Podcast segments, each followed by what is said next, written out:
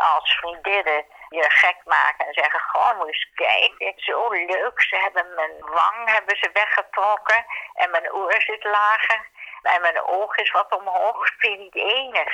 Dan schrik je en denk je, god, daar is die leuke Betty gebleven. Hier is Hanengekraai door Luc Drosten met Elisabeth Bierens de Haan.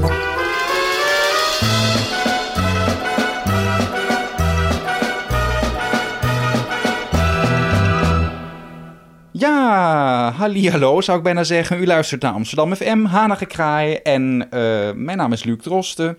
En hebben wederom Elisabeth Bierens de Haan aan de telefoon. Mevrouw Bierens de Haan, uh, we gaan het vandaag hebben over leeftijd. Nou ben ik zelf 35 en wij verschillen een aantal jaar. U bent 84. En we gaan vandaag een ode brengen, zouden we kunnen zeggen, aan de oudere mens. En we gaan ook oude mensen een tip meegeven. En dat woord, de tip, omarm, omhels uw leeftijd. Waarom dit thema? Dit thema is heel belangrijk. In deze tijd moet iedereen jong, atletisch, springen in het veld, schreeuwen, gillen, hoepsakee. Het liefst zouden de jonge mensen nog willen vliegen. Je bent jong en je wil wat. En dan merk je, je wordt ouder en ouder. En dan zijn er veel oude mensen die dan een beetje droevig zijn van ik ben niet meer jong, ik ben niet meer die stewardess, ik ben niet meer die atlete. Komt er een zekere droefheid en daar moeten we wat aan veranderen. Omhels elke leeftijd. Al heb je ongemakken, elke leeftijd heeft zijn charme. En als je op straat loopt en je ziet iemand kijken naar jou van, nou die loopt ook niet meer zo gemakkelijk, laat het van je afglijden. Want jij bent bijzonder, elk mens is bijzonder. Doen de benen het niet, dan doen de hersens het wel. Of het een of het ander.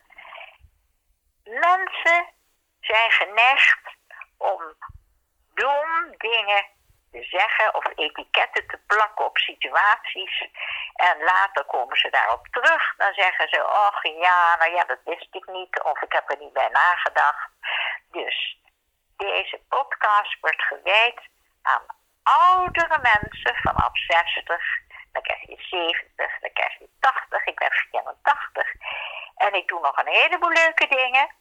En ik zou zeggen, eh, doe wat je graag wil doen. En laat je vooral niet te veel verbouwen. Ik kwam gisteren iemand tegen, mevrouw. Ik dacht, hé, die mevrouw heeft een heel ander gezicht gekregen. Dat hele karakteristiek is weg. De rimpels zijn weg. En wat staan de ogen raar. Die waren twee keer zo groot, waren poppenogen. En dan heel, een heel glad gezicht, heel eng. Dat is een beetje eng. En is, ja, ik heb me helemaal laten verbouwen. En de haar was ook een beetje eng. Ik denk, nou is nou juist het karakteristieke van die persoon is helemaal verdwenen. En dat is nou juist zo leuk, die oneffenheid, dat bukkeltje op de neus, een vratje bij het oog. Dat maakt het allemaal zo persoonlijk. En als je dat weghaalt, mooi gebit, mooie rechte neus, mooie ogen met allemaal nieuwe lenzen erin. Ach, ach, wat zien we er leuk uit. Maar het persoonlijk is weg. Aanvaard zoals je bent, moet je medisch gezien ingreep ondergaan. Dan, dan is het natuurlijk duidelijk dat je dat laat doen. Maar voor schoonheid, voor een verjongingskuur, allemaal rare bokkensprongen maken en eh, meedoen, want je wil nog jong zijn, doe het niet. Laat gewoon zien wie je bent. Ik ben die ik ben. 84 jaar. Doe me maar na. Ga maar achter me aanlopen. Je kan me niet bijhouden. Zo moet je denken. Ja, dat, dat is een uh, positieve. Het is een gedachtegang die ook iedereen, iedereen inderdaad zou toewensen. Ja. Uh, vindt u ook dan dat mensen uh, die inderdaad wel iets aan zich laten doen, slachtoffer zijn feitelijk van de huidige ja, tijd die gekenmerkt wordt door consumentisme, jeugd, et cetera? Zijn het slachtoffers van de tijd? Ja, dat zijn slachtoffers van de tijd. Ja. Dus als vriendinnen uh, je gek maken en zeggen, gewoon moet eens kijken, zo leuk, ze hebben mijn, wang hebben ze weggetrokken en mijn oor zit lager en, en mijn oog is wat omhoog, ik vind niet enig. En dan, dan schrik je en denk je, god ja, waar, waar is die leuke Betty gebleven? Betty is weg. Er is een soort pop staat, nou, staat voor me. Dus uh, ik zou zeggen, wat de natuur je gegeven heeft. Lelijk, mooi, schoon, het is van de natuur. En koester het. Ja. Wil ook niet zeggen dat je niet nachtcrème s'nachts op je gezicht doet. Of dat je een masker van aardbeien of komkommer doet. Dat doe ik ook. Mijn gezicht leg ik allemaal schijven komkommer op. Dus verrukkelijk met die hitte. Een gezicht met komkommer. Maar dat is weer wat anders dan dat je zegt... Dag, lieve dokter, wilt u eventjes mijn oren wat lager doen? Ik vind mijn neus te lang, haal er maar een stuk vanaf. Kijk, dat is tegen natuurlijk en het is niet goed. En later zakt de hele boel weer aan elkaar. Hè? Dat is duidelijk. Ja. Dat zeggen de doktoren Ja. ook. Na een jaar of twintig is die neus weer drie keer zo lang. En die oren die zijn gezakt. En de ogen die kijken scheel. Ja, je moet het ook bijhouden dan, hè? Op een gegeven Je moment... eh, bijhouden, het wordt een abonnement. ja, En precies. dat is dus niet goed. Nee. En je ik denk... gezicht eh, moet de uitstraling hebben van het karakter van de mens. ja, En kijk eens naar nonnen in een klooster. Heb je ooit een non met een facelift gezien? Nee, heb jij nooit gezien. Ik ook niet. Een non met een facelift.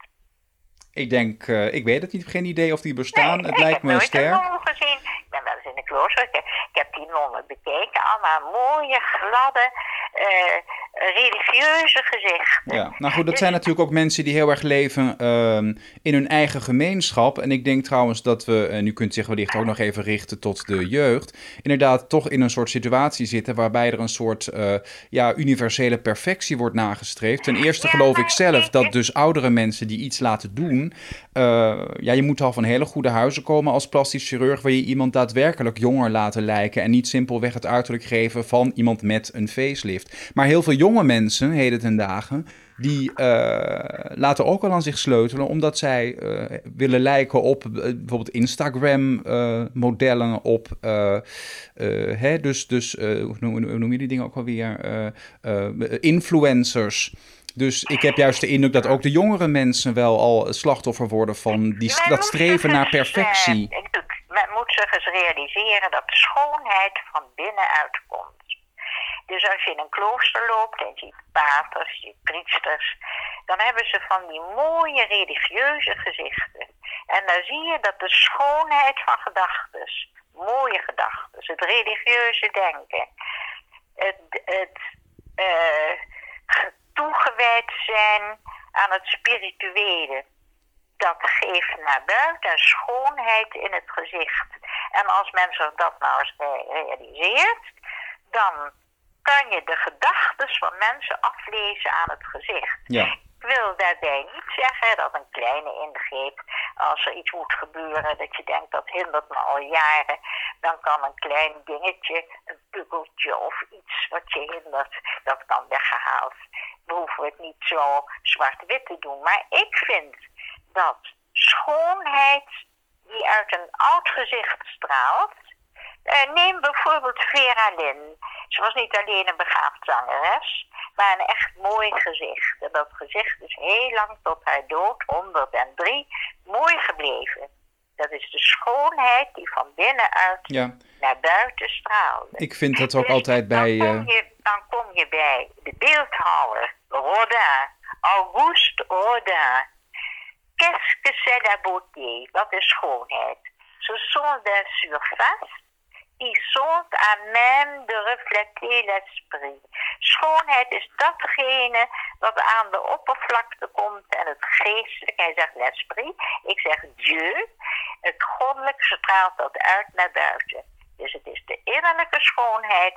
Iemand die mooie gedachten heeft. Iemand die niet hebzuchtig, niet jaloers, niet eh kribberig is. Iemand die in het religieuze leeft of iemand die Ja. in.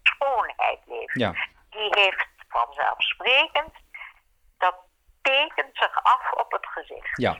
En ik vind zelf een goed voorbeeld ook altijd bijvoorbeeld Sonja Barend. Wat vindt u van haar? Nou, die neem ik niet als voorbeeld. Maar er zijn ongetwijfeld zoveel. Je moet er maar net even opkomen. Uh, vrouwen, mannen, die uh, uit hoofden. Ja. Pierre heb ik aan boord gehad van de KLM. Toen ik stewardess was, kwam die aan boord. Hij ging naar Parijs. Een edelman. Abbé Pierre. En dat was een man die de clochards hielp die onder de bruggen van Parijs, die hadden geen huis. En hij verzorgde ze, hij gaf ze eten.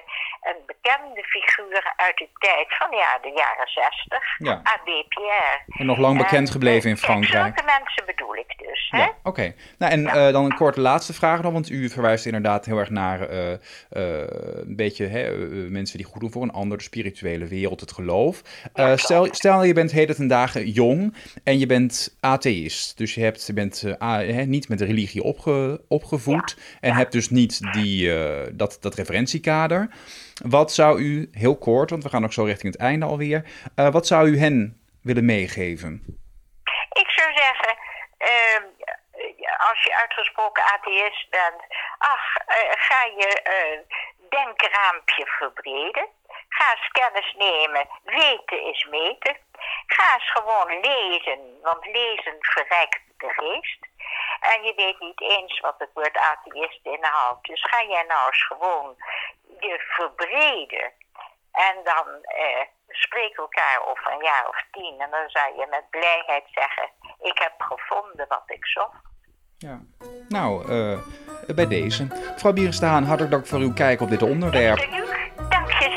Voor je assistentie. En volgende week zijn we er weer. En dan gaan wij een heel ander onderwerp weer uh, uitdiepen. Ja, Tot dan. Tot dan. Wilt u reageren? Mail naar hanigekraai.amsterdammefm.nl en uw bericht komt terecht bij mevrouw Berends de Haan.